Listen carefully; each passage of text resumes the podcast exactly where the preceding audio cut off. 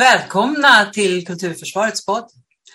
Syftet med podden är att göra konst och kultur till en valfråga inför årets val. Jag som leder samtalet heter Ulla Bergsvedin, är frilansande skådespelerska, kulturdebattör och grundare av Kulturförsvaret. Dagens gäst är Katarina Bergil, enhetschef för scenområdet vid Högskolan för scen och musik i Göteborg. Varmt välkommen Katarina!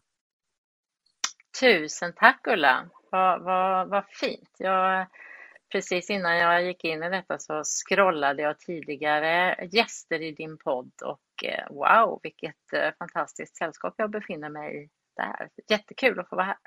Roligt att ha dig här! Vem är Katarina Bergil?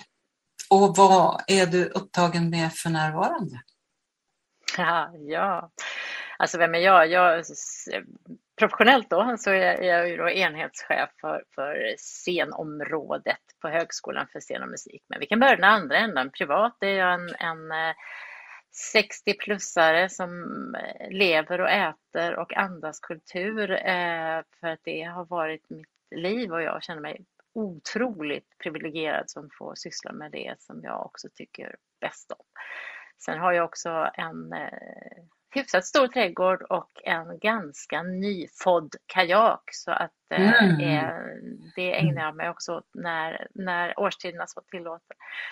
Men jag är då eh, enhetschef för eh, scenutbildningarna och här i Göteborg på Högskolan för scen och musik så innebär det eh, kandidatutbildningar i skådespeleri, musikal och opera.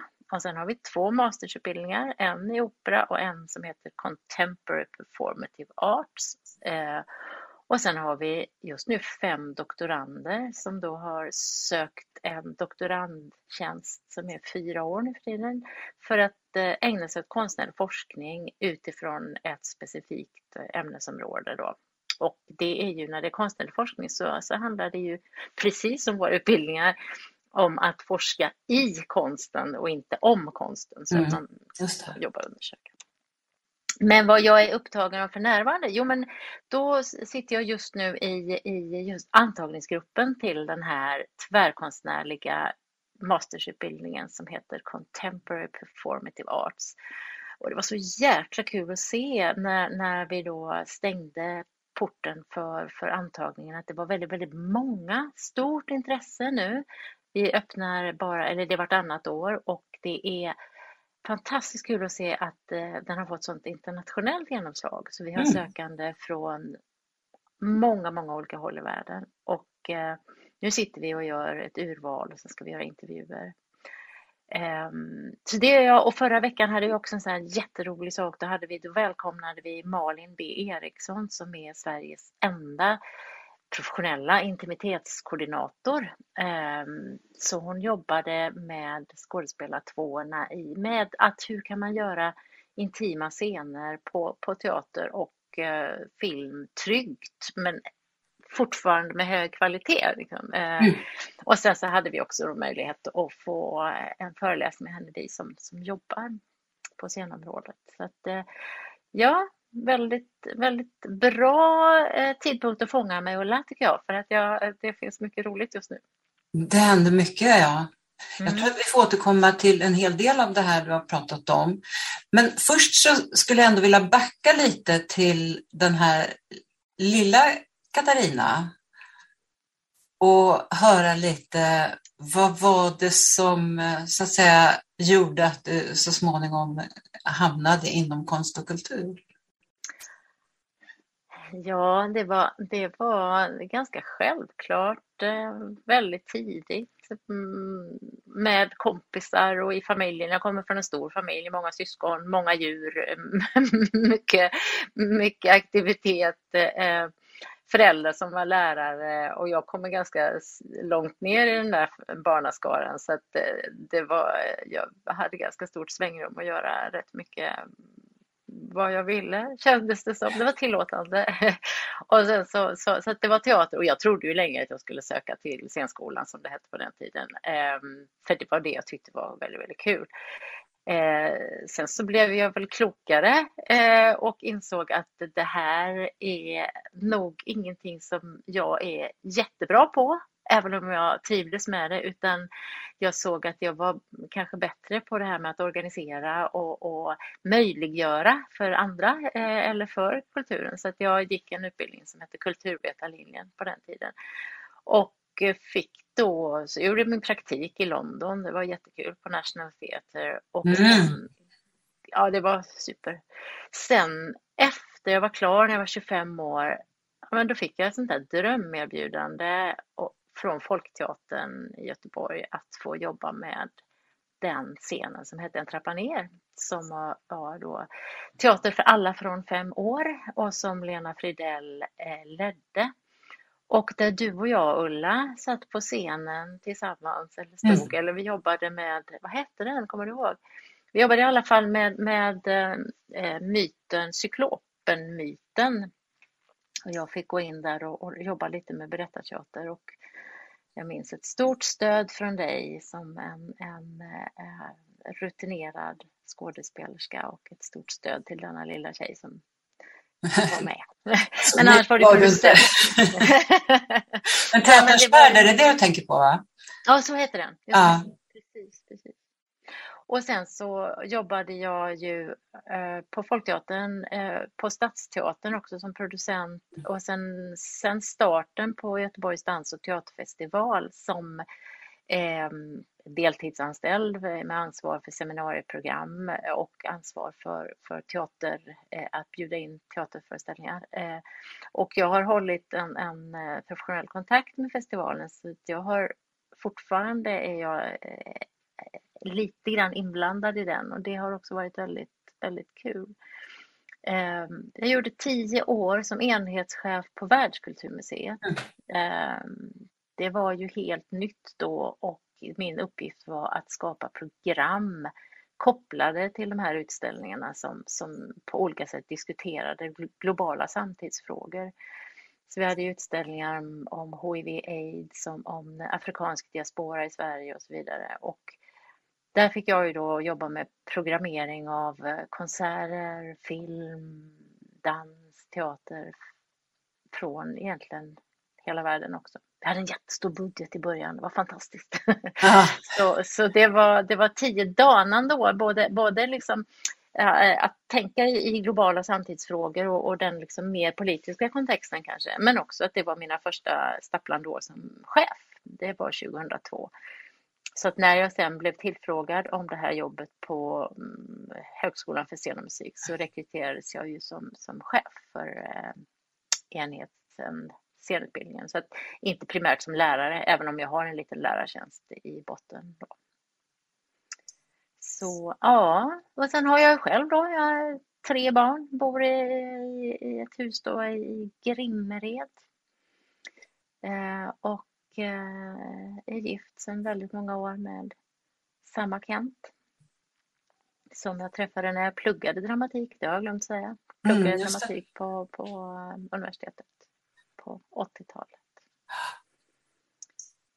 Ja, du har hunnit med mycket.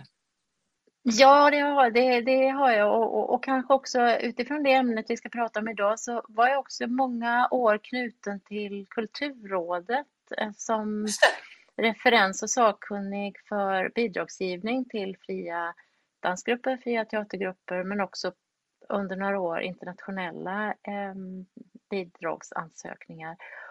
Och där fick jag ju då en stor karta över det fria kulturlivet. Jag åkte och såg dans och teater i hela Sverige eh, med och av grupper som levde nästan på existensminimum eh, och de sökte pengar för sin konst. Och det var oerhört fina samtal jag hade på Kulturrådet kring de här ansökningarna, kring de här gruppernas eh, arbete och eh, jag är så tacksam för de åren för att få en, en, en förståelse för eh, arbetet som frilansande skådespelare eller dansare eller scenkonstnär. Um, så, så kultur, mitt kulturpolitiska intresse väcktes nog där och sen kunde jag fullfölja det under mina år på, på eh, Världskulturmuseet. Då. Just det. Och just, eh, just eh, de områdena när det gäller, alltså, ja, nu är inte Världskulturmuseet bildkonst, men, men jag, tror, jag tror att de också tillhör de områdena som, som är, säga, står längst ner när det gäller eh, anslagen. Nu sa ju du att ni hade mycket pengar där, men Ja, det var första och andra året vi hade mycket pengar. Ja, sen, precis. Start, sen, startavgiften. Det var startavgiften. Plus att det faktiskt kom, jag undervisade förra veckan i en kurs som heter um, Jag, konsten och samhället och då grävde jag fram gamla regleringsbrev, alltså mm. det som regeringen ger till myndigheter. Mm. Och, och, ehm, det regleringsbrevet som, som vi hade först när vi startade verksamheten på Världskulturmuseet, det var ju att eh, bjuda in och föra samtal med nya grupper i samhället, att, att, mm. att, att, att vara en inkluderande plats. Och sen vid maktskiftet 2006 så omvandlades eh, direktiven till att mer vara en institution för att vårda och bevara kulturarvet. Så där ser man ju att, att eh, kulturpolitikens eh, verktyg Eh, är styrande. Eh, jag vill inte kalla att det var på något sätt eh, att de missbrukade armlängds avstånd, det gjorde de inte. Men, men, men det är tydligt att beroende på vem som sitter vid makten så kommer också direktiven att se olika ut för, för den statligt, kommunalt och regionalt finansierade konsten. Så, så är det verkligen. Så det blev vi varse då. Och det går snabbt att ändra också? Ja, ja precis. precis. Varför anser du att det är viktigt att föra in konst och kultur i debatten inför valet nu i september? Ja, men det, är, alltså, det är ju egentligen en fortsättning på det vi nyss pratade om. För då när jag höll den här lilla föreläsningen förra veckan så, så var jag också, hade jag också anledning att titta på de nationella kulturpolitiska målen. Mm. Du vet de som reviderades 2009 eh, man tog ju bort kommersialismens negativa verkningar. Men man la till annat. Mm. Men, men där så står det i inledningen att eh, kreativitet, mångfald och konstnärlig kvalitet ska prägla samhällets utveckling. Och jag liksom var tvungen att läsa den eh, paragrafen många gånger för jag tänkte det står faktiskt inte att kreativitet, mångfald och konstnärlig kvalitet ska prägla kulturlivet. Det står mm. det inte, utan samhällets utveckling.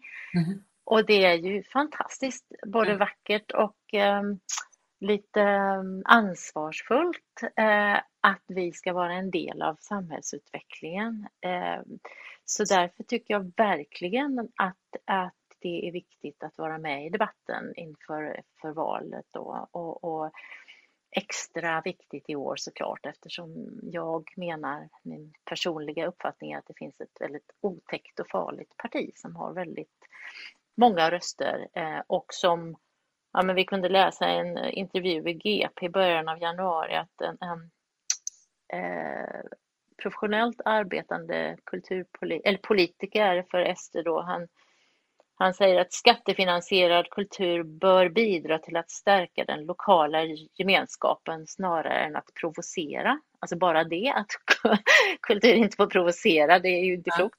Och sen så vidare så säger han att skattemedel i första hand ska gå till svensk skandinavisk kultur. Alltså det där får ju mig, alltså red alert, det här är ju mm. fruktansvärt om den slags tankegångar får sippra in i kulturpolitiken. Så, eh, och också man ser sig runt om, eh, jag som då är 61 år gammal har varit med om både 70, 80 och 90-tal. Jag ser ju att omvärlden håller ju på också att förändras. Att, att man i Brasilien liksom har bestämt sig för att hbtq-relaterade filmer ska inte få stöd eller, eller i Polen censurerar man eh, eh konst och kultur som har med hbtq-frågor att göra. Att det, det, som du säger, det går ju väldigt fort och Eh, det finns så mycket förberedelse för de stegen nu i Sverige och omvärlden. Så vi måste vara en motkraft inom kulturen för detta, tänker jag. Ja, absolut. Du eh, är som sagt då enhetschef och har det yttersta ansvaret för alla de sceniska utbildningarna på HSM. Och du berättade ju förut eh, om vilka de är. Och vad är det då som du ansvarar för i ditt dagliga arbete? Ja, alltså som, som, som chef så är det ju de vanliga chefsuppgifterna egentligen. Det är ju eh, att Eh, vara ansvarig för att leda och fördela arbetet. Så jag är personalansvarig, jag har ett budgetansvar, en budget på ungefär 30 miljoner kronor eh, och övergripande kvalitets och utvecklingsfrågor. Och sen leder jag då en, en, en ledningsgrupp inom mitt område som består av programansvariga som är ansvarig inför studenterna för, för varje utbildning och sen så har jag en, en forskare vid min sida, en ämnesföreträdare då, och, och eh, producent och tekniker och så som, som ingår. Så det handlar ju om att eh, igen vara möjliggörare för det som vi alla vill åstadkomma. Att, att eh, både tala strategi och vision men också operativa frågor på en ganska daglig basis. Eh, och därför tyckte jag jag var så stympad när jag var tvungen att jobba hemifrån. För att mm. mycket i mitt arbete det sker ju egentligen när man knackar på varandras dörrar och tänker hur ska vi göra med det här? Eller, eller man, man eh, sitter och fikar och kommer på en bra idé och, och, som man vill ta upp. Så att, eh, att vara en del av ett arbetslag tycker jag ju är en förmån som chef, men också våga vara chef och, och, och våga liksom eh, eh när det behövs fatta tuffa beslut. Eh, men alltid med verksamhetens bästa och med stor eh, medkänsla för folk som kanske drabbas av eh, vad det nu kan vara man behöver fatta för konstiga, jobbiga beslut. Men eh, jag trivs och har roligt. Eh, det är en fantastisk arbetsplats. Det måste jag säga. Och också det här att vara omgiven av unga människor, studenter och få följa dem under de här åren när de utvecklas från att precis ha kommit in till att flyga ut i verkligheten. Bara det är ju fantastiskt. Alltså, det är det verkligen. Så det, jag menar, senast igår så smet jag in, jag hade, jag hade en, en, lucka mellan möten och smet jag in och såg en del av repetitionen på, på musikalernas eh, slutproduktion och få sitta där i mörkret inne på vår största teater och bara få vara med och uppleva vad som händer. Att få göra det på jobbet, det är lyxigt. Eh, skulle man kunna så att säga, sammanfatta eh, uppdraget för skolan eh, kort, så att säga? Vad är, vad, är, vad, är, vad är uppdraget för Högskolan för scen och musik?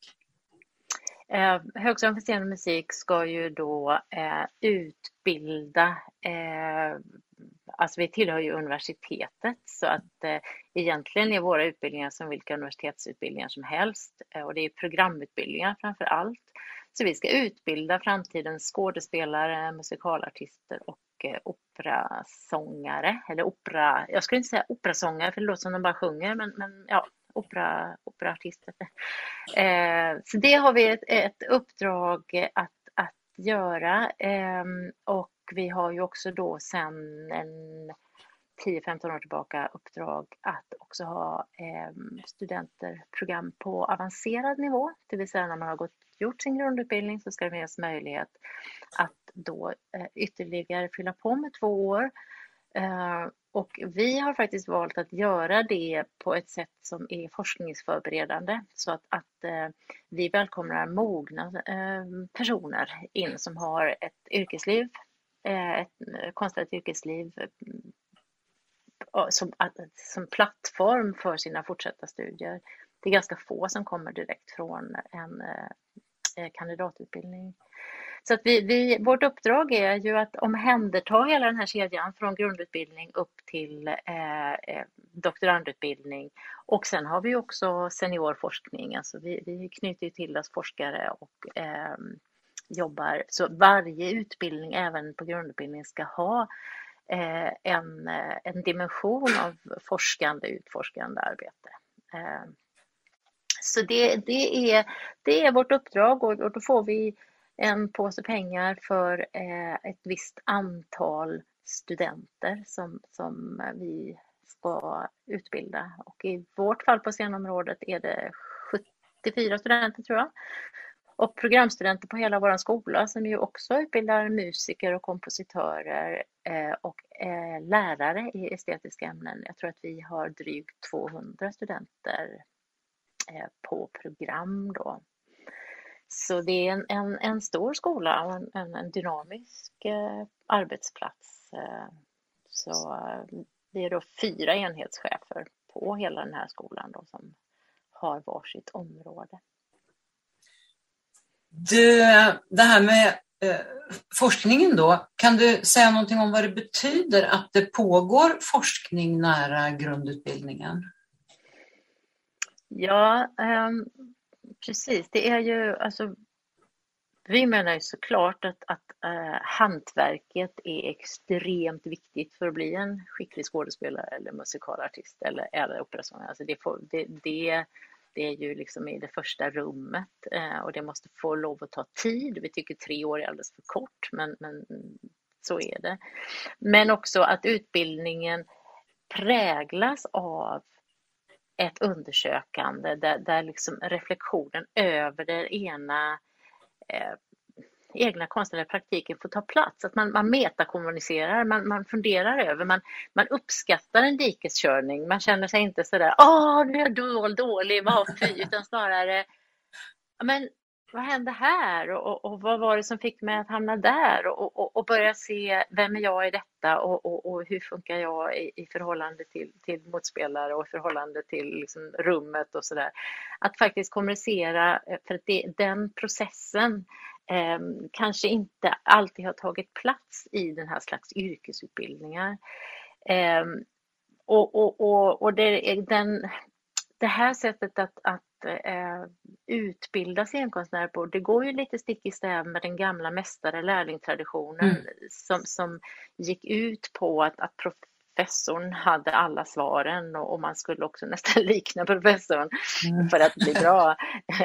Så att, att, att, här är det ju också viktigt för pedagogerna att eh, understödja eh, den enskilda studentens egna konstnärskap utan att, att förlora greppet om, om den kollektiva processen. Och, så. och i det finns ju som en röd strimma det, det egna reflektionen och utforskandet. Och, och utforskande, det konstnärliga utforskandet får ju då större och större plats ju fler år man har gått. Och då är det fantastiskt att i samma miljö ha masterstudenter som, som jobbar väldigt mycket med utforskande och också har doktorander som är anställda för att forska.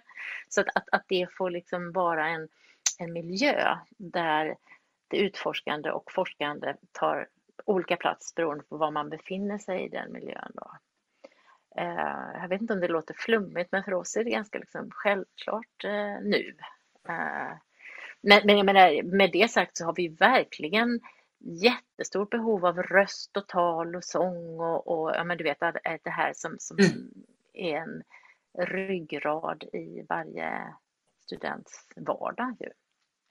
Sen jobbar de oerhört hårt om man, om man tänker på många andra utbildningar där man sitter hemma och pluggar mycket och kanske inte har så mycket lärarledd undervisning. Här är ju våra studenter i undervisande situationer jag menar, upp till 35 timmar i veckan varje vecka. Så mm. det är jättemycket tid på golvet och, och jättemycket tid tillsammans med sin klass och med sina pedagoger. Um, så de är ganska, det är ganska utmanande mm. utbildningar. Det är det ju.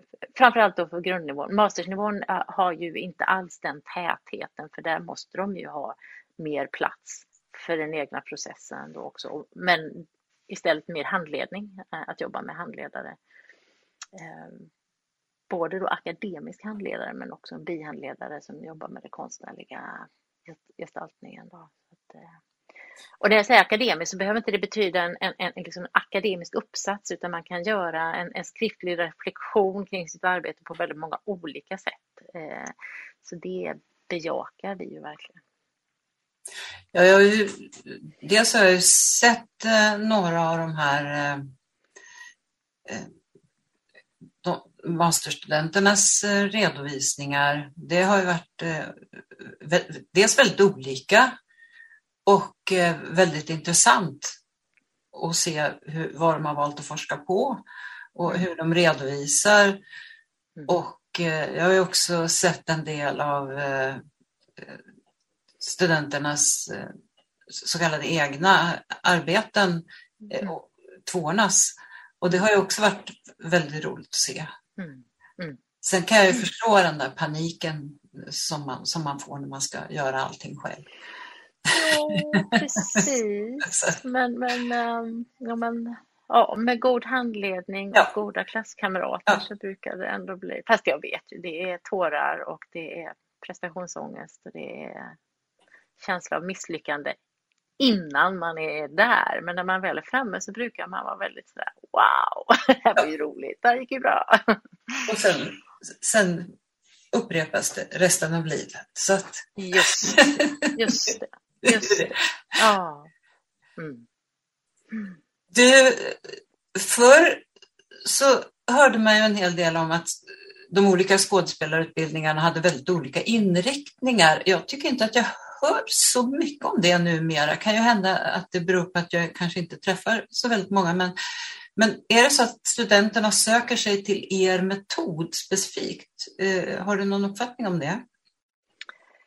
Um, alltså, uh, både ja och nej, jag säga. För, förut så fanns det en specifik metod på Göteborgsskolan. Det var, den utgick från en eh, svensk-engelsk pedagog som hette Gert Malmgren mm. eh, som i sin tur byggde mycket på Labans metod. Men, men eh, vi har tonat ner eh, karaktärsarbete faktiskt till, till förmån för ett mer för mer handlings och situationsbaserad pedagogik. Så att, mm. så att vår, om man ska säga vår metod som vi jobbar med, det kallar vi rätt och slätt aktion, aktivitet.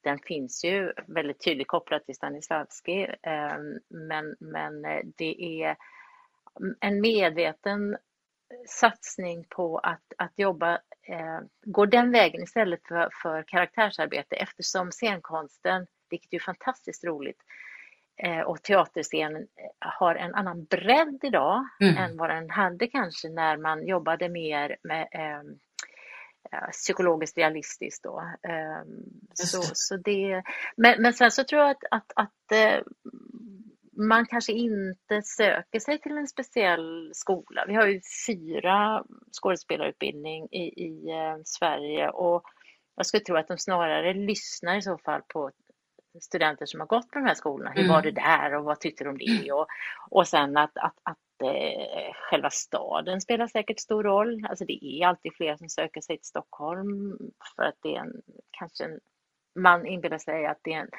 roligare stad men också att det är en, en större, branschen finns mm. ju mer representerad där då. Mm. Men det är, ju, det är ju jättesvårt att komma in så att man är nog superglad var man än kommer in. Eh, det är ju ungefär tusen som söker eh, hos oss då 12 platser och då har vi uppehåll vart tredje år. Så det är ju inte så många som kommer in. Så jag, jag, det, det, är väldigt sällan som man tackar nej till en plats som man har mm. fått. Mm. Det är det. Ja. Du sa ju förut att du undervisar också. Vad är det studenterna får med sig på dina lektioner? Just det. Men jag kan först bara, bara tillägga på den förra frågan där mm. att eh, vi, hade sån, vi, vi rekryterade en scenframställningslärare för några år sedan och då hade vi turen att få Mia Höglund Melin mm. som ju också är skådespelare på Stadsteatern eh, och jobbar här med scenframställning och tillsammans med då Peter Melin som är programansvarig och resten av kollegiet så har, så har de liksom mejlat eller mejslat fram den här, det här sättet att förhålla sig till liksom framtidens skådespelare rent pedagogiskt. Och att, att eh, hennes eh, också vi är lyckliga också över att hon har en fot in i eh, skådespeleriet professionellt. Så att det, det, det är, det är en, en eh, hon har, hon har en hög trovärdighet hos studenterna på grund av det. Det har, det har de alla, men kanske mer som pedagoger. Men, men Mia bär ju också in ett levande konstnärskap in i miljön. Det är fantastiskt.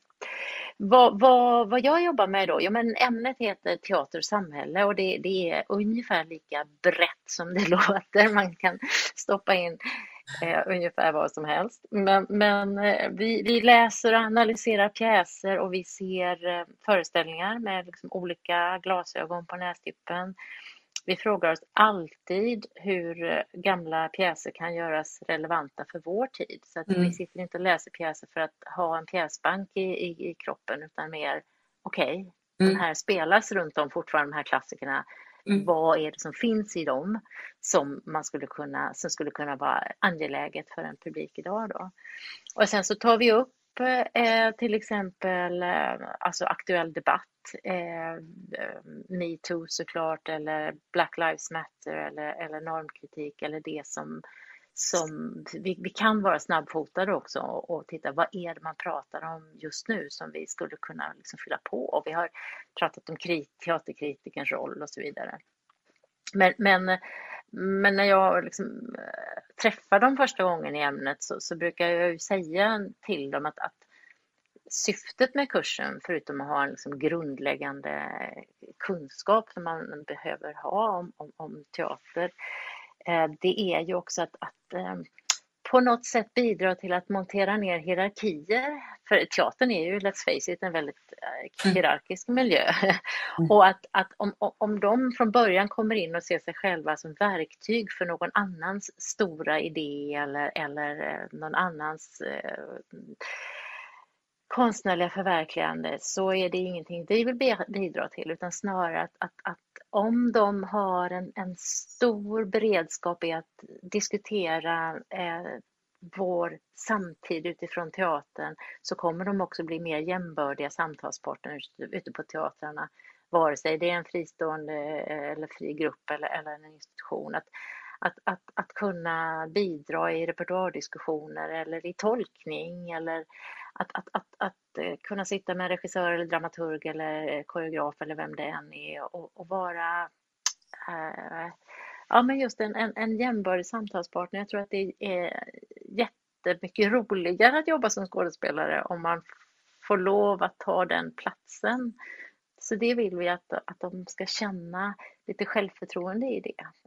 Så det har varit, varit en av avsikterna till det här ämnet. Då, att hyvla ner pyramiden så gott det går och ge råg i ryggen till eh, studenterna. Och nu, jag menar, jag tänker i framtiden så, så kanske man också man kanske går samman som konstellationer, några skådespelare, en regissör, en scenograf och, och, och, och knackar på en, eh, hos en teaterchef på en institution och säger vi vill göra detta. Eh, det tror jag blir allt mer vanligt och då behöver man ju också vara eh, ja, men beredd på att, att uh, gå in i spännande samtal uh, om vad det är man vill med detta. Ja, jag tycker det låter fantastiskt bra för att det, det är precis det där också, tänker jag, som jag vet, vi på Folkteatern bland skådespelarna pratade mycket om att vi, vi längtade efter att ha det där konstnärliga samtalet då, alltså internt och att ha utrymme för det möjlighet att ha det kontinuerligt. Och mm. det är ju väldigt bra att ni så att säga, bygger in det i, i, i utbildningen och i medvetandet hos studenterna. Att det är, det är något kanske som de bär med sig ut. Och sen får vi hoppas att det finns att, att det både finns eh, anställningar och eh, dramaturger till exempel. Det är ju något som jag vurmar väldigt mycket för att det ska mm. finnas överallt. Mm. Det är ju en sån här yrkesgrupp som eh, jag tycker att man har ständigt väldigt goda samtal med mm. som skådespelare och mm. behov av. Eh, du var inne på jag, konsten och samhället. Det är en särskild kurs. Mm. Vad, mm. vad, vad är det för något? Mm. Men vi, vi, vi, ser ju det att ibland så, så, är vi ju av nödvändighet stuprör på vår skola. Så vi har scenutbildningarna som är ett stuprör och så har vi musikutbildningarna som är en annan. Och, och så. Men, men så tänker vi att herregud vilken stor glädje de kan ha av varandra också. De träffas i fiket och de träffas eh, sådär på skolan. Men så att vi har, en, vi har två kurser faktiskt, en värdegrundskurs och en eh, kurs som heter Jag, konsten och samhället som är tvärande. Den är ganska liten men i alla fall de träffas i, i, tvärgrupper eh, över programgränserna. Eh, Och just den här kursen då, den, den eh, har en ambition att, att, att eh, föra in just kulturpolitiska samtal men också eh, presentera dem för företrädare för allianserna till exempel eller Kulturrådet eller eh, Konstnärsnämnden eller vad det nu vara må så att de får en, en, en, blick, en karta och en förmåga att förstå hur ser det där landskapet ut där ute. Mm. Eh, och att också man kan, att man kan få eh, en, ah, det är väl kanske en önskedröm, men att, att man ska kunna tänka ja men titta här är en cellist och jag är en skådespelare. Eh, vad skulle vi kunna göra när vi går ut tillsammans? Eh, och eh, det, det var jättekul med de här egenprojekten nu som vi hade, som tvåorna hade som du pratade om tidigare, för då var det just många musikerstudenter som, som var med i mm. de projekten. Så då hade man liksom hittat den där trådarna in. Så att, nej, men det är en, en, en liten men, men fin eh, kurs som ligger i trean för att man ska börja förbereda dem för att de ska iväg ut. Sen tycker jag vi gör det alldeles för lite. Jag tycker vi har för lite plats på våra utbildningar för den här förberedelsen och kanske också den mentala förberedelsen. För att det är ju väldigt få som har lyckan att få långvariga kontrakt när de mm. kommer ut. Och då behöver vi också förbereda mentalt på det. Att eh, det här kommer att vara lite smärtsamma år. Man, ens självförtroende blir naggat i kanten och man, man behöver hitta strategier för att klara av de där inledande åren. Mm. Där behöver vi nog bli ännu bättre tror jag. På att rusta dem för det. Det tror jag. Du var inne förut på det här med, med att det kommer studenter från eh, andra länder. Hur är det, har ni samarbete och utbyte med konstnärliga utbildningar i andra länder? Vi har ett fantastiskt nätverk som heter Nortea som är de nordiska och baltiska länderna eh, där vi som leder eh, skolorna vi ses eh, en gång om året och sen så mm. har vi då något som vi kallar Nordic Common Studies där det är utpekade veckor där studenterna byter plats eh, lite. Man får önska sig vilken skola man vill komma till. Ah. Man då, ja. så det, och det är jättefint, jätte jättebra samarbete och väldigt liksom, hög ambitionsnivå. Väldigt kul att träffa du vet, folk från Grönland och ah. Lettland och Island och Malmö. Och, ja, det är jättekul. Och sen har vi också det här som heter Erasmus, att man, att man mm. också kan eh, vara iväg någon annanstans. Eh, vi har hittills haft samarbeten med Georgien, Tbilisi, Georgien och nu inleder vi ett samarbete med Kapstaden i Sydafrika Eh, för operautbildningen och eh, mastersutbildningen, eller båda våra mastersutbildningar, Contemporary mm. Performative Arts och, och eh, operautbildningen. Eh, så att, eh, jag åker ner nu om några veckor och eh, i maj kommer Jay Pather från eh, Kapstaden och så ska vi tillsammans skriva fram en, en ansökan om ett treårigt partnerskap där vi just också kan dels eh, byta lärare och byta studenter då mm. eh, för längre perioder. Studenterna två månader eh, som minst och eh, lärarna en vecka som minst. Men, men ah. på skådespelarutbildningen är det ganska svårt för språket är ändå ah. svenska. Men på de andra utbildningarna så funkar det bättre. Och det, det är ju en, en stor fördel att tillhöra universitetet efter det här som heter Bologna-processen. Ja. Eh, så, så, så, så, kom ju då möjligheten att vara del av en större helhet och då kom de här utbytestankarna och en ekonomi kopplad till det som är eh, väldigt eh, Ja men för de som vill ut är det ju en fantastisk möjlighet ju. Ja, det låter ju väldigt spännande också talade ju med Hedda Kraus Sjögren som mm. var kulturråd i Sydafrika tidigare och eh, hon, hon berättade om att det pågår väldigt intressanta saker på universiteten i, mm. de konstnärliga utbildningarna i, i mm. Sydafrika och hon sa ju det att det är ju de konstnärliga högskolorna i Sverige mest som har kunskap om vad som pågår där. Och då mm. tänker jag att det är ju väldigt roligt då att det sker det här utbytet så att, så att det, det kan spridas eh, mm. kunskapen om det mm. till oss andra också. Mm. Och det, och det kan ju bli ringar på vattnet nu under pandemin förra året när vi satt på Zoom så, så, så kom jag på det att ja, men Jay som finns i Sydafrika och har samma tidsspann som vi, mm. han kunde in och undervisa i teater och samhälle och berätta från sin horisont mm. om, om eh, scenkonst post-apartheid eller egentligen during mm. apartheid, för på något sätt är det ju de här Eh, ja, men stora spänningarna finns ju kvar. Så att, och, och, jag minns att, att stu, mina studenter sa, men det här var det bästa de hade på hela kursen. Det var när han höll sin föreläsning om eh, villkoret för, för teaterskapande i, i Sydafrika. Så, så ja, den digitala, eh, de digitala möjligheterna kan, kan ju vi, vi får inte spola bort allting nu den 9 februari när vi är tillbaka. vi ska spara det bra. ja, precis. Mm. Eh, du sa ju det att ni har studenter från eh, andra länder. Eh, hur, hur, hur kommer det sig och vad tillför det?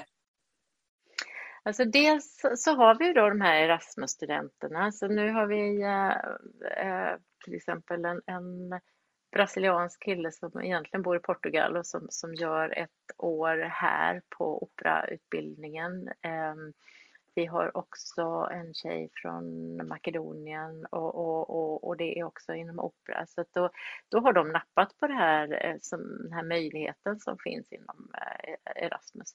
Men innanför för eh, Contemporary Performative Arts, då har vi vänt oss ehm, vänt oss ut, det gör vi också med våra operautbildningar, så att vem som helst kan söka sig till oss och, och det funkar ju med en operautbildning med språket då. Och även Contemporary Performative Arts, den håller vi på engelska. Alltså vad det, vad, vad det blir, det blir ju, alltså dels är det ju eh, väldigt härligt när de delar erfarenheter på golvet. Eh, att, att, att den kunskap och kompetensöverföringen som sker där med, med när de här mogna studenterna kommer in i, i samma kurs eh, men också faktiskt efteråt, för det har vi ju märkt då just med den här CPA-utbildningen att de här två åren, det blir ett kontaktskapande och ett nätverkande som är helt outstanding för att de, många av dem fortsätter då att verka tillsammans. Eh, och, och, och, om det är Sverige eller Tyskland eller Grekland som är, är plattformen, det spelar ju ingen roll. Eh, det finns möjlighet till rörlighet.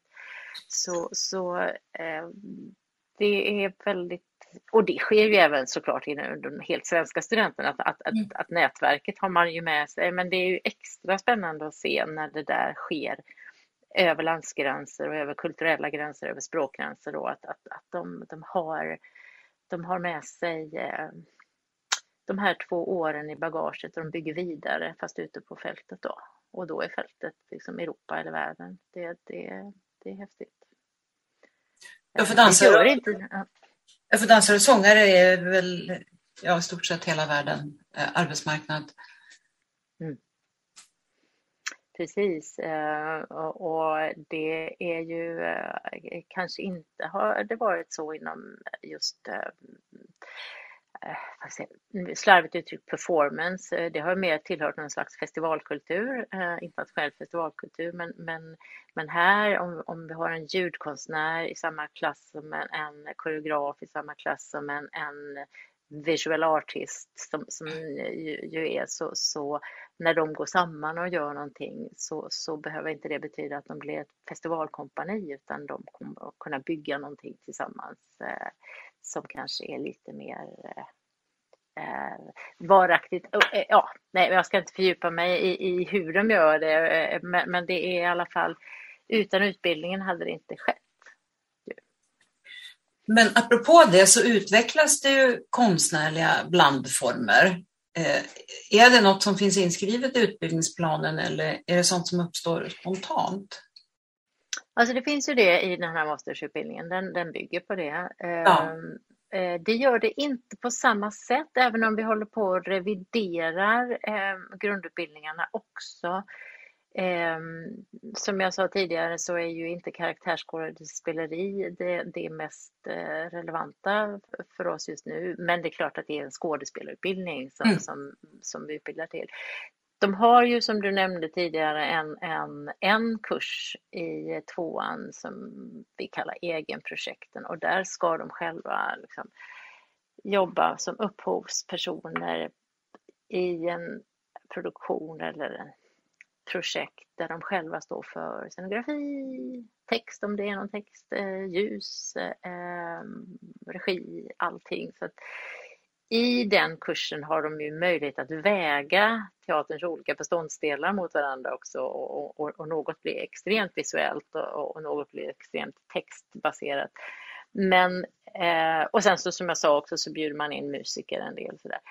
Men i grundutbildningen så är det kanske inte tvärkonstnärligt igen eftersom den är så kort och mm. bygger på att man ska bli en, en eh, skådespelare som ska ut och kunna jobba men själva miljön är ju väldigt tvärkonstnärlig. Och när vi om fem år flyttar in i den helt nya fakultetsbyggnaden här som ska byggas, då kommer ju hela fakulteten samlas under samma tak. Alltså både mm. filmare och keramiker och, och eh, konsthantverkare och skådespelare och musiker. Så det är ju då tror jag att vi kommer att behöva ta ett steg till där vi erbjuder kurser som är mer tvärkonstnärliga. Det, det, tror, det hoppas jag i alla fall. Och film, det, det ska vi väl mm. säga också, det, det ingår ju ändå. Ja, nej men gud ja, tack för att du sa det. Och det har vi faktiskt utökat eftersom eh, skådespelare idag har en helt annan arbetsmarknad innanför tv-serier och film än vad man hade för bara tio år mm. sedan, så har vi utökat antalet eh, kurser i filmskådespeleri. Så de har en stor kurs varje årskurs, alltså en i ettan, en i tvåan, en i trean, där vi har filmpedagoger inne eh, och de får jobba med skådespeleri framför kameran. Så att, eh, ja, absolut absolut. Sen är det alltid när vi, när vi eh, pratar eh, fristående kurser med våra studenter, för de är med och, och lägger plan för detta, så är det alltid clown. Vi vill jobba med clown. Så där mm. finns hela tiden en hunger. Och jag vet eh, att det var din, din start, eller hur Ulla? Att, att clown var någonting som var tidigt i ditt skådespeleri, va?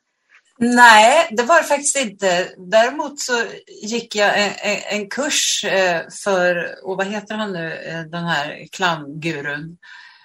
Eh, det, det, var roligt. Eh, den som eh, Stunk-gänget ja. har lärt sig Ja, ja men just det, nu har jag också glömt. Ja, ja, precis. Ja, ja, ja. ja. Men jag förknippar dig med lusten för clown. Det, det var väldigt roligt faktiskt. ja. Så att det, det, stämmer. Nej, men däremot Grotowski-teknik. Mm fick jag ett helt år. Mm. Ah, det var så det var. Mm. Och där kan vi väl säga att där har vi ju vår rörelselärare Mikael Norlind, han kommer från Sören Larsson slash eh, Grotowski-teknik. Ja, så genom precis. honom så får vi in de perspektiven, eh, vilket eh, är oerhört uppskattat. Eh, så på sätt och vis kan man ju säga att de här olika eh, blandformerna kommer in organiskt. Då. Ja, precis. Jo, det är väldigt fysiskt. Mm. Men nu kommer det till någonting väldigt spännande här. Ni har en pilot, pilotklass på skådespelarprogrammet inne för tillfället som fokuserar på teater för barn och unga och som jag tycker är väldigt underbart. Berätta hur det kommer sig och vad det innebär. Ja, det är jätte, jättekul. Den resan den började med att, att eh, Svensk Teaterunion, som ju heter Scensverige nu för tiden, hade ett möte i Göteborg eh, om barn och ungdomsteater. Mm. så att eh, branschen eh, och väldigt många från, från den del av branschen som jobbar med barn och ungdomsteater var där och jag skulle hålla ett samtal med en panel som bestod av Lasse Melin som då var på Regionteater Väst mm. och Kristina Roos som var på Masthugsteatern och Pelle Nordin som då var vår huvudlärare i scenframställning.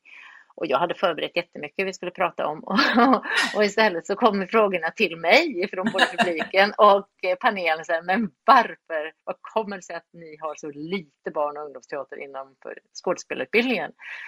Och jag var jätteoförberedd på den här frågan, men Pelle och jag tittade på varandra och liksom, men herregud, de har ju helt rätt i detta.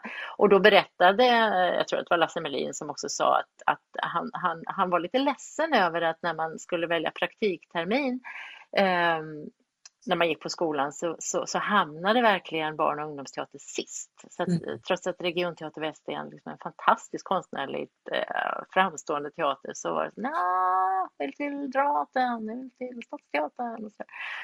Och så då, jag tror faktiskt att det var på det mötet så sa jag, nej men nu gör vi detta, nu gör vi någonting. Vi krokar arm mellan branschen och, och utbildningen och så planerar vi för att just en hel årskull under sina tre år ska bli marinerade i det här perspektivet då. Mm. Så att eh, vi har planerat och planerat och planerat och nu har vi kickat igång. Så det är den klassen som går i ettan nu, den, den sökte in till just den här inriktningen. Mm. Och eh, vi påminner dem flera gånger, det är detta ni söker till. Det betyder att den praktiken ni ska göra kommer vara på en av de här fyra teatrarna och det kommer att betyda att ni kommer att bli väldigt mycket bättre rustade för eh, att jobba inom barn och ungdomsteater. Men ni kommer inte bli sämre på så att säga vuxenteater för det, för skådespelarutbildningen är ju densamma. Så det är, det är Angeredsteater, det är Backa teater, det är Regionteater Väst och det är Masthuggsteatern som där våra många sceniska projekt kommer att vara förlagda där. Vi har också ett mentorsprogram där skådespelare från de här teatrarna följer varsin student. Vi har en, en gemensam samtalsserie och så har vi då praktiken som kommer att ligga där eh, och slutproduktionen kommer att vara i Angered och eh, så har vi ett filmteam som följer den här klassen under de här tre åren. Och vi har också tänkt att under Bibyveckan nu i Helsingborg i maj så ska de få berätta Eh, klassen om, om hur första året har varit och sen så följa upp det år tre då liksom också så här, så här blev det. Så nej men det är jätte, jättekul. Alltså den stora arbetsmarknaden finns ju där och det är ju en del av det hela, men också de stora eh, experimenten, de stora eh, eh positionsframflyttningen vad gäller liksom kvalitet och mod och, och, och, och Eh, det som är omskrivet det är ju ofta eh, produktioner för barn och unga. Och jag tänker på Unga Klara, jag tänker på Backa såklart. Jag tänker ja. att Mattias Andersson hamnar som chef på Dramaten. Det hade han inte gjort om han inte hade utforskat det här landskapet på Backa i så många år. Eh, och också såklart en demokratisk tanke om att, att vi når ett tvärsnitt av, av, av liksom Sveriges befolkning i genom skolan och, och att få ut och träffa den publiken, det är ju också ja, men en reality check för, för skådespelarna och också någon slags kulturgärning att få lov att gjuta mod och inspiration i, i de unga människorna. Ah. Så på alla sätt och vis är det här ett, ett lyxprojekt som vi är inne i just nu som är superroligt. Vi hade möte i morse senast och pratade om eh, ja, samtalsserien bland annat, men vi pratade också om hur ska vi nu jobba med de olika sceniska projektens olika målgrupper så att inte vi fegar och gör allt för 14 plus eh, elever utan, utan vi, vi faktiskt ska jobba också med teater för väldigt små yngre barn och mellanstadiebarn och så, så att man får en erfarenhet av olika publiker. Då i olika målgrupper. Jag tänker också att så som utvecklingen ser ut nu tror jag i alla fall att det är nog där du som skådespelare blir mest delaktig. Absolut, det tror jag också. Gud ja, det tror jag med. Tänk va, att få lov att bidra och få lov att vara ta plats, ett platstagande både, både på scen men också utanför scen där som skådespelare. Ja visst. Ja, visst. Från början till slut så att säga. Ja. ja. Mm. Barnteaterakademin har en jättefin podd just nu. Mm. Jag har hört två avsnitt där och, och hur de talar om sin praktik. Bland annat Andreas Ferrada Norli som, som, som ja, men berättar om förhållandet till publiken och uh, att det är många gånger mer nervöst att stå inför en barn och ungdomspublik än en artig vuxenpublik och man behöver skärpa sig ännu mer. Man behöver vara så att säga ännu bättre tillsammans. Ehm, men eh, att också belöningen är, och bekräftelsen är ju omedelbar ju med den publiken. Verkligen. Visst, ja. Man måste vara närvarande. Det måste man ju alltid vara, men, men på, det, det, blir ju på ett helt annat sätt. Mm. Mm. Ja, ja. Ja, men visst. Och, och, och vi i Göteborg, vi, vi, säger också när vi pratar med varandra att det här att det händer här. Det kanske att den här staden är så pass liten så vi har inte råd att, att, att, vara stödja gentemot varandra utan vårt sätt att jobba det är att samarbeta mm. och, och, då är det också fint att komma in i ett sånt klimat tänker jag som, som skådespelarstudent och att få mm. uppleva detta att det inte är backstabbing och vassa armbågar utan här, här delar vi en önskan om att stötta de här mm. 12 studenterna under tre år. Och, mm. Och den goda sidan av Göteborgsandan. Ja, men det kan man säga. Precis. Det finns mycket annat att tala om också. Men ja, absolut. Eh, om vi pratar om utbildningar i stort så tänker jag att eftersom det kostar så väldigt mycket per student, de konstnärliga utbildningarna, så tänker jag att samhället måste ju uppenbarligen tycka att det är viktigt att satsa på. Och som du var inne på, det är kanske någon promille av de sökande som anses motsvara kraven för att komma in. Så egentligen det, det är väldigt exklusivt kan man ju säga. Mm. Men mm. så snart man lämnar utbildningen så mm. är det slut på det exklusiva och man betraktas snarare som en kostnad än en tillgång. Några som kräver bidrag och stöd och allt vad man får höra. Och det är som att samhället inte riktigt, vem nu samhället är, men, men de som tar besluten så att säga ytterst, vet vad man vill med konsten i samhället. Hur, hur eh, reflekterar ni över det i, i, ledningen för utbildningarna och hur rustar ni studenterna för det? Du var ju inne lite på det innan. Mm, mm. Ja, alltså det här är en fråga vi delar med egentligen all, alla utbildningar som, som leder till en, en frilansarbetsmarknad. Eh, så att det, som jag sa tidigare så, så, borde vi prata mycket, mycket mer om det. Men det gör vi inte för det är så jobbigt och det är så, på ett sätt deprimerande. Nej, det är inte därför. Det är klart att vi, att vi måste göra det. Nej, men det är klart att det är en jättestor skillnad mellan eh, samhällets så att säga gåva till de här och beredskapen att, att ta emot och, och stötta vidare. Vi har ju fantastiska teater och dans och musikallianserna, det måste jag säga att vi har jättefint samarbete med dem. Så det, men det är en pytteliten insats. Ehm, jag kommer inte, vet du Ulla, var, var det löntagarfonderna som delvis bidrog till alliansen? Det, jag, jag, kan faktiskt inte svara på om, om, om det kom därifrån, men det, det, det är möjligt. Ja.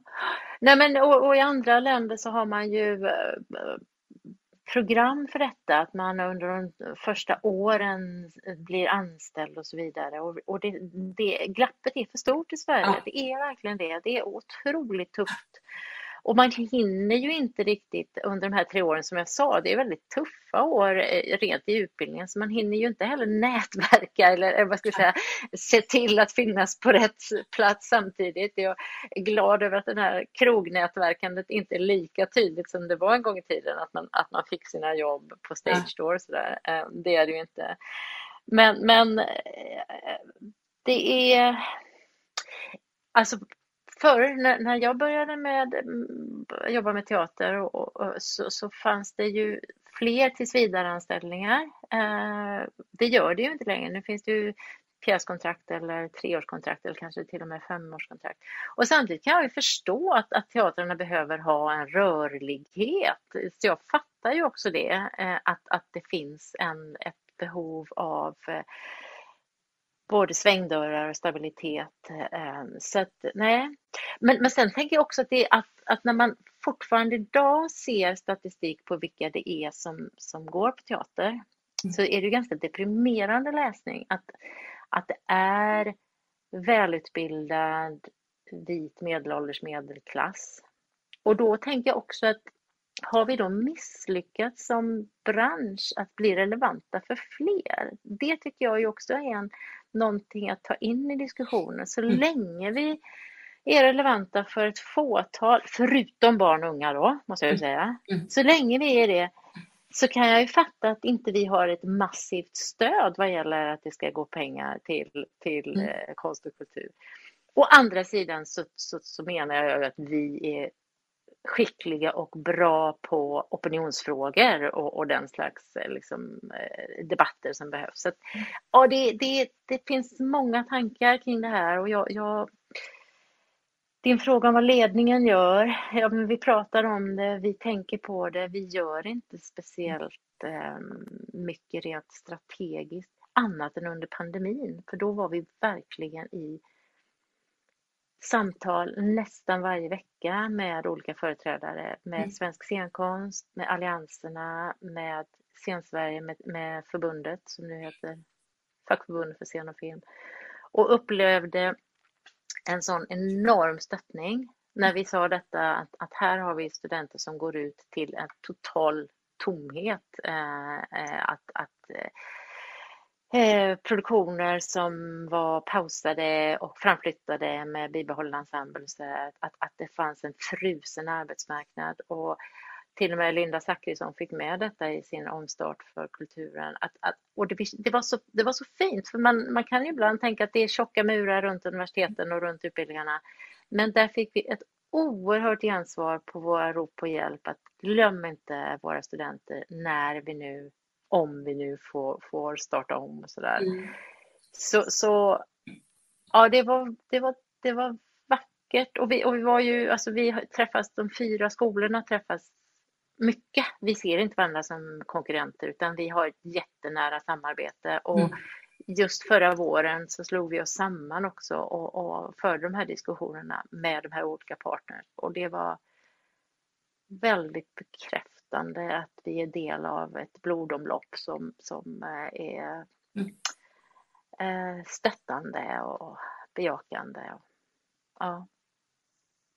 Ja, men man tänker, även om du då säger att det är så få som, som så att säga, deltar så är det ju ändå eh, lika många som tillsammans går på hockey och fotboll.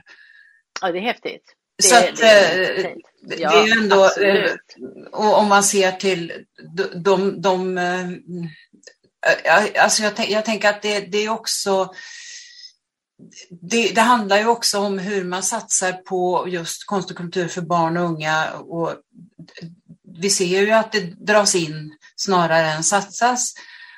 Och eh, där tänker jag lite att, att, det handlar ju återigen då om om man satsar så mycket på att det ska finnas konstnärer men man tänker att de inte ska leva under samma villkor som andra människor, för det finns ju arbetsrättslig lagstiftning och det finns, jag menar, det finns rättigheten till medarbetarsamtal och en massa sådana saker som, som folk tror att det har ju alla. Alla har den rätten. Eh, men att det inte då gäller vissa människor, eh, det är ju väldigt få som känner till. Och då tänker jag att nu jag har liksom passerat det stadiet, men jag tänker att det är inte klokt att det fortfarande ska gälla alla dessa unga mm. som nu eh, satsar sina liv och jobbar hårt och eh, kämpar och jobbar extra för att gå förutbildningar och försöka och få ihop det. För jag vet ju att det är ännu värre nu mm. än vad det var när jag själv ja. började. Ja. Och till slut så kommer det inte vara möjligt och sen kommer det nya påbud om att vi ska ha breddad rekrytering. Och då vet jag ju att de som kommer hit från andra länder, då är kravet på dem att de måste försörja sig själva och kanske hela familjen. Mm. Då, klart att då är ju inte det här ett val. Då blir det så mycket som krockar. Mm. Och då tycker jag att det är oförskämt helt enkelt att Nej, men, säga ja. sådana här saker. Ja. Jag, jag håller med och, och det är ju alldeles uppenbart att det har bidragit till en tystnadskultur och mm. att metoo briserade i våra branscher. Ja. Ju, alltså man har fått hålla på väldigt länge med eh, oanständiga förhållningssätt till, till frilansare, eh, både fysiskt och uppenbarligen, men också på det sättet som du säger, att, att man befinner sig utanför all slags eh, sammanhang och trygghet, ekonomisk eller social, eh, trots då att man har, har, har gått en sån här lång utbildning. Och, eh, det, är det, det talades ju om det väldigt mycket då. Vi har lyckats bjuda hit kulturministrar två gånger till eh, för att liksom lyfta fram sådana här frågor och vad både Alice Bah och Amanda Lind sa, det var ju men det här tittar vi på, det här tittar vi på, just, ja. just arbetsmarknaden. Men, men vi ser ju inte några resultat Nej, av det där. Precis. Inte alls. Och den nya ministern hon berättar om att hon minsann alldeles nyss har fyllt i samma krångliga blanketter. Ja, och ja. Eh, ja. det är ju bara ett sätt att, att kokettera. Mm eh, som, som jag tycker intensivt illa om. Och jag tänker också ja. att skolorna, ni gjorde ju det här som hette att gestalta kön. Och mm. det förändrade ju skolorna internt, men det förändrar ju också branschen, för att det påverkade mm. ju branschen mm. när det gäller jämställdhet och, och hur mm. man implementerade jämställdhetstänk i branschen dessutom. Mm. Och sen kom då metoo, så att säga, på det mm. och, och avslöjade att det ändå mm. fanns kvar en hel del eh, ja, av den typen av kultur. Mm. Eh, och du var ju inne på det förut, att ni har diskuterat det och det känns ju, det känns ju väldigt bra att det, att, det, att det lever vidare så att säga och utvecklas. Mm. Ja, men det, det som hände då kring att gestalta kön, det var ju verkligen politiska strategier. För dels så hade man ju den här Plats på scen, en, en utredning mm. som handlade om jämställdhet på, på scenerna. Dels så var det väl Svensk scenkonst eller Teateralliansen, eh, Svensk scenkonst var det som utbildade kvinnliga teaterchefer. Och eh, Teaterförbundet. Och, och Teaterförbundet, mm. just det. Och sen så hade vi att gestalta kön. Så det var ju samtidigt, alltså det var ju enormt. Mm. Och det är klart att det ger, har bäring för hur det ser ut idag också. Alltså mm. jag tror nog att, att det har hänt väldigt, väldigt mycket. Mm. Men vi på skolan får ju inte slappna av och tänka att det, ni gjorde jobbet åt oss. Utan vi har ju, vad gäller då att gestalta kön, så, så jobbar vi ungefär vart tredje år med fortbildning för oss själva. För mm. att eh, bjuda, alltså bjuda in bra pedagoger för att, att, utbilda oss så att inte vi tappar eh, kontakten eh, med de här frågorna. Mm, eh, och, och, också liksom det praktiska arbetet på golvet eh, kring eh, genusnyfiken gestaltning till exempel. vi har ju också säga, ett, ett yrvaket bejakande av icke-binära personer. Det, det, tror jag inte riktigt var med på kartan då, men det är det allra högsta grad nu. Och vi har framförallt eh, skådespelarstudenter som är extremt medvetna och på oss och eh, går inte med på att vi inte förstår och inte kan. Utan vi måste hela tiden eh, försöka att om inte ligga steget före så i alla fall hålla jämna steg med våra studenter i frågor som handlar om eh, rasifiering eller exkludering av, av, av eh, andra skäl. Men det tillhör ju också det där som är lyxigt med det här jobbet, att tvingas utvecklas. Att inte få sitta ner på sin breda rumpa och eh, tänka jag är färdig nu eller jag kan allt och jag ska bara tala om för andra hur det är. Tvärtom, alltså vi, mm. vi, vi behöver finnas till som samtalspartner men vi mm. behöver också se till att det här finns i våra utbildningar. Ehm, så vi har alltså just nu så har vi en, en en person som, som ja, det, det har ja, flera gånger som folk påpekar varför kör ni en västerländsk kanon i, i en eh, repertoarval, eh, Teater och samhälle eller i våra projekt? Va, eh, varför Shakespeare, varför inte alltså, Så att vi blir verkligen påminda om vår eh, eurocentriska liksom, eh, bakgrund som vi, som vi har. Så det är jättebra. Det är jättebra. Så, så vi, det, vi, vi jobbar och vi stöttar varandra både mellan skolorna och, och eh, på olika sätt eh, innanför kollegiet. Men framför allt så, så får vi samtal med studenterna då.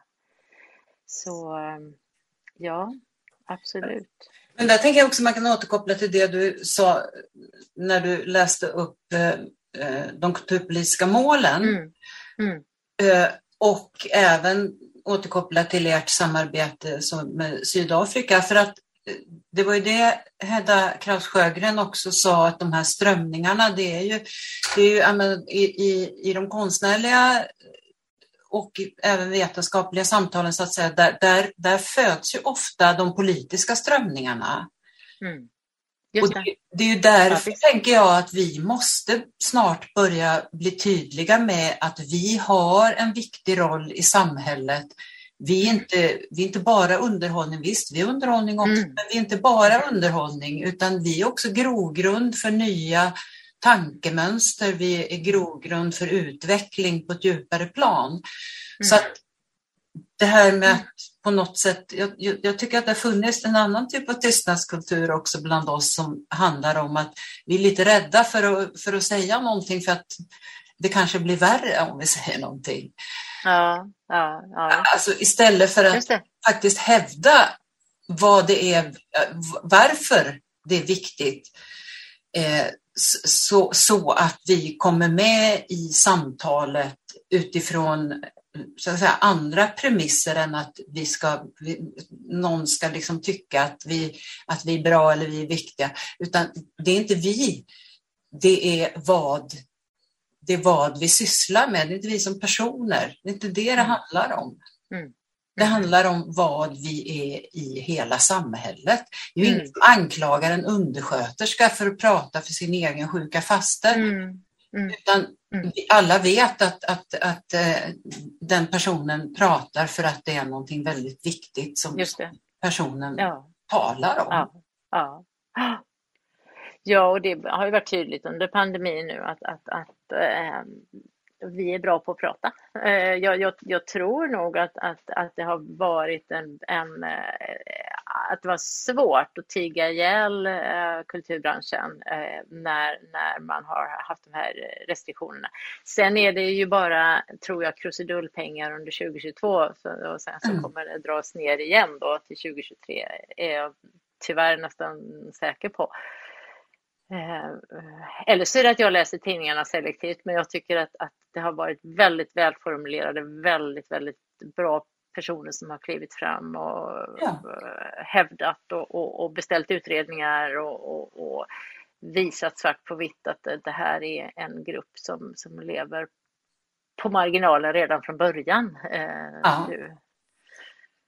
Så, och det tycker jag det är fantastiskt också att, att, att, att människor som själva inte är konstnärer i olika stödfunktioner bidrar med sitt kunnande och, och, och, och eh, jobbar för detta.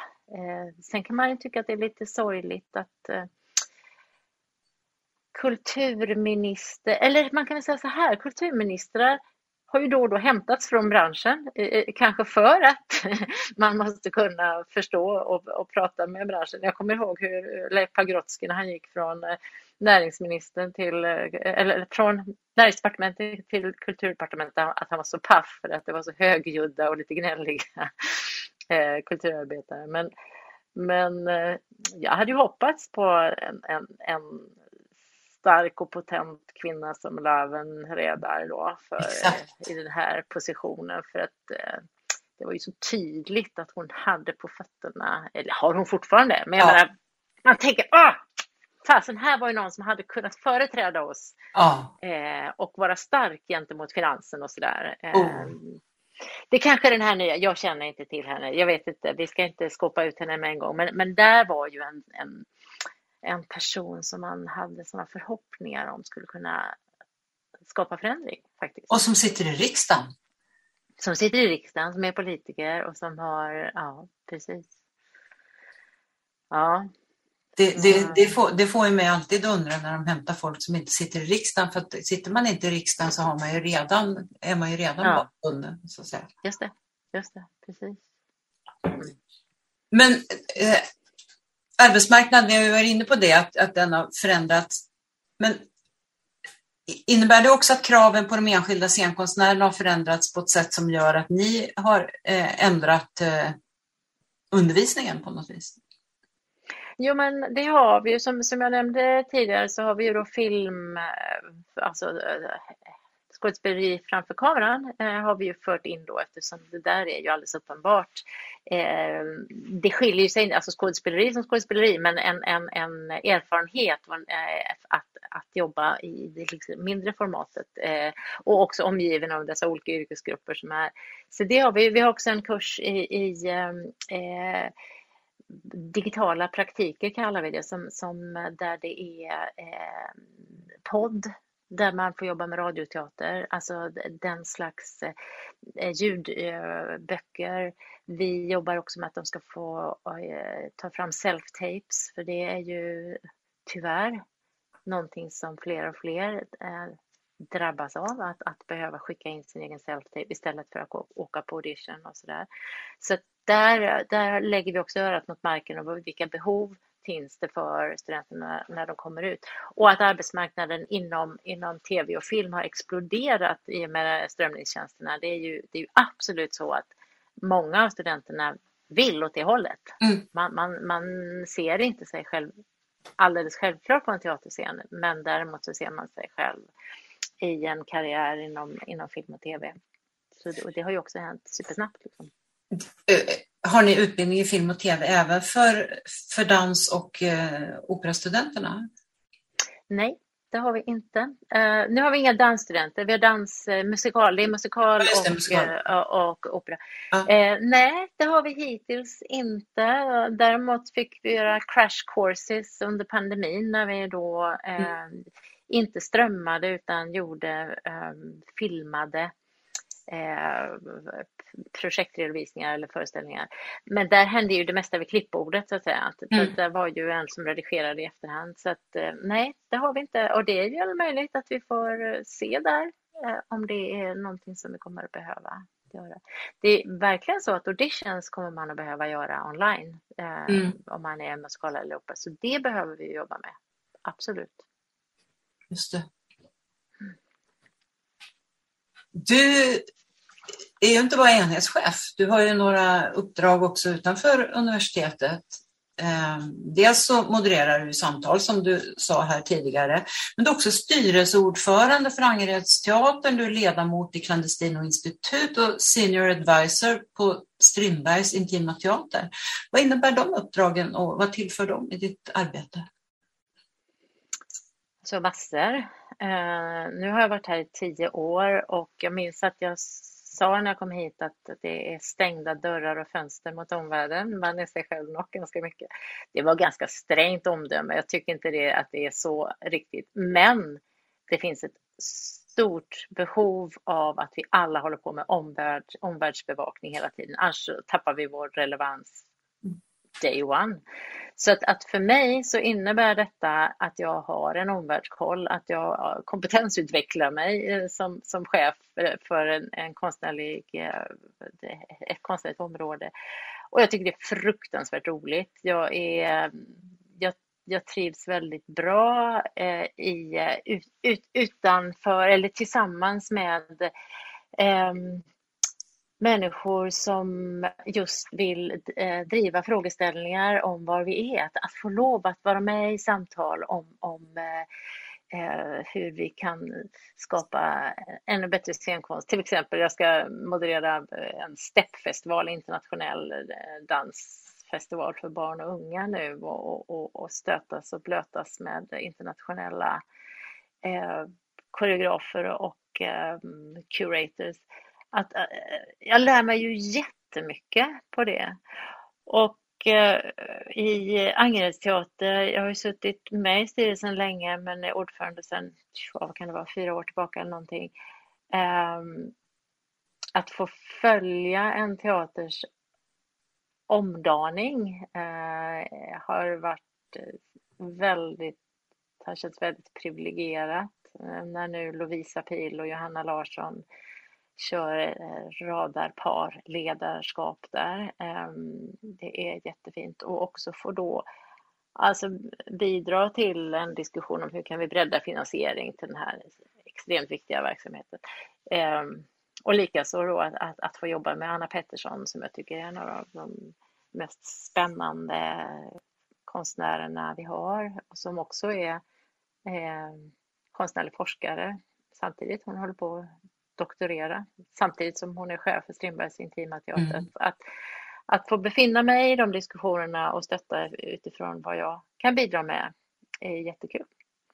Så, så det, jag tror att om jag inte hade gjort detta så hade jag gjort mitt jobb här sämre helt enkelt. Det. Sen är det eh, verkligen så att, att jag nämnde ju Mia Höglund Melin här mm. som jobbar på Stadsteatern och här. Men jag skulle säga att de allra flesta som jobbar här eh, är oerhört måna om en, en fot också utanför, vare sig det är en professionell frilansfot eller om det är att man ser till att, att liksom hela tiden uppdatera sig eller vara, vara där det händer så att säga. Så att, eh, det är nog ingen av dem jag träffar dagligen här som slår sig till ro och tycker att de är färdiglärda, utan vi behöver hela tiden utvecklas allihop. Så ehm, nej, men jag, jag ehm, saknade det under pandemin när, när, ja. när det inte heller fanns så många samtal att, att, eh, att vara engagerad i så var det lite fattigare, futtigare. Jag förstår absolut eh, det. Jag har en avslutande fråga till dig. På vilket sätt och av vilka anser du att konst och kulturpolitiken bör debatteras inför valet i höst? Så att det som står i alla kulturplaner blir tydligt. Att konst och kultur är viktigt för såväl samhälle som medborgare. Ja du, eh, på vilket sätt och av vilka? Ja men eh, det är ju det är en självklarhet att säga att det 2022 är viktigare än någonsin. Eh, bland annat eftersom det finns ett parti som har väldigt stark kulturpolitisk programförklaring. Eh, ett parti som jag överhuvudtaget inte vill att någon ska rösta på, medan de andra partierna är ganska bleka i eh, de kulturpolitiska frågorna.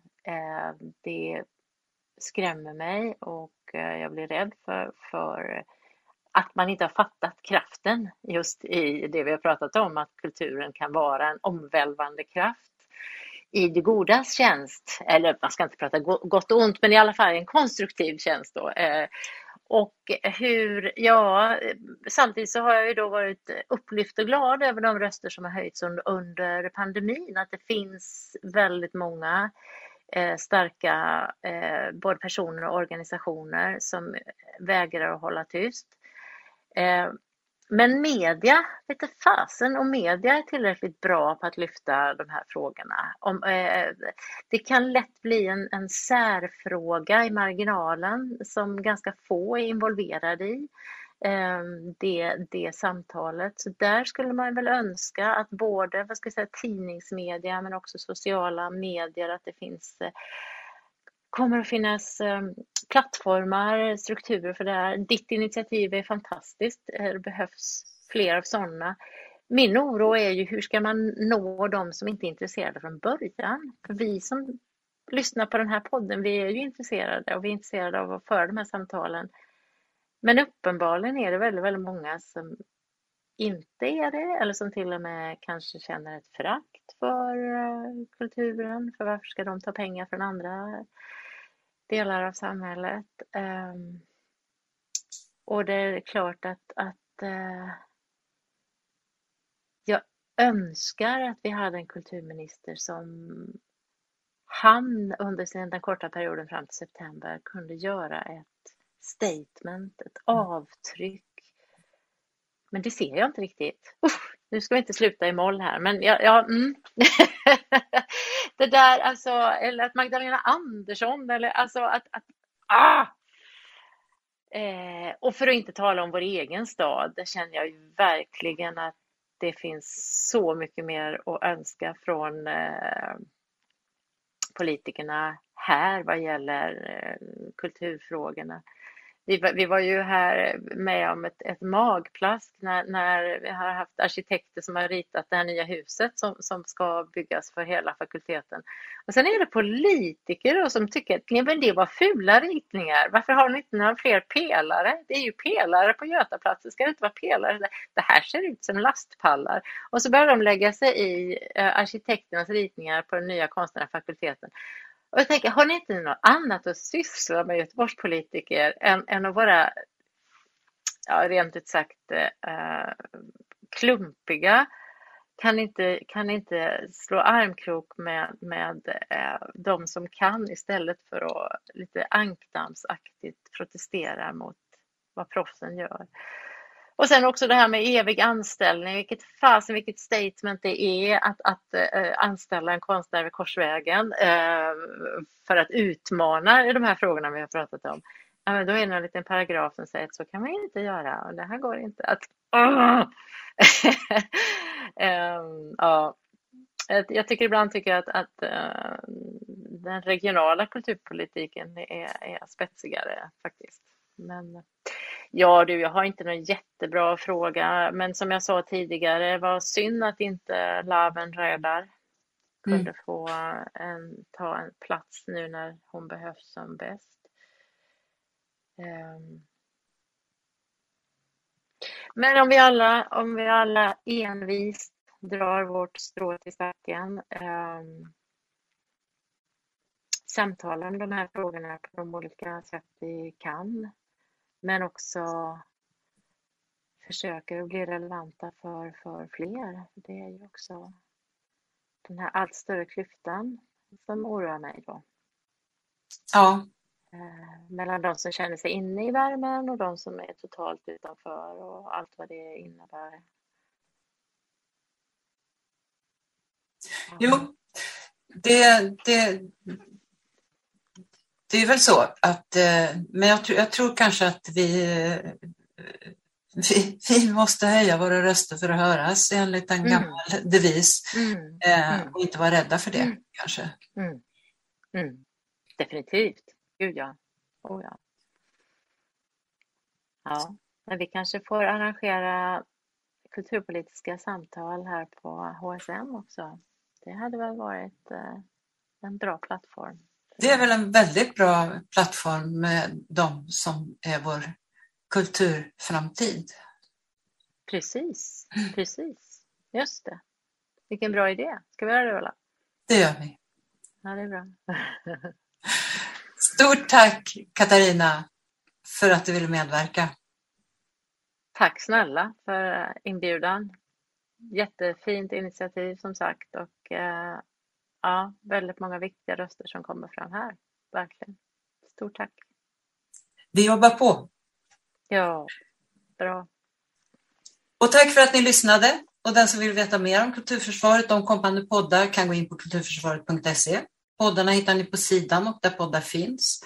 Om ni vill gå med i vår Facebookgrupp så är det bara att gå in och ansöka om medlemskap. Gruppen är öppen för alla som är intresserade av konst och kultur och tycker att det är viktigt att konst och kultur och fri press och media diskuteras på samma villkor som andra politikområden inför valet.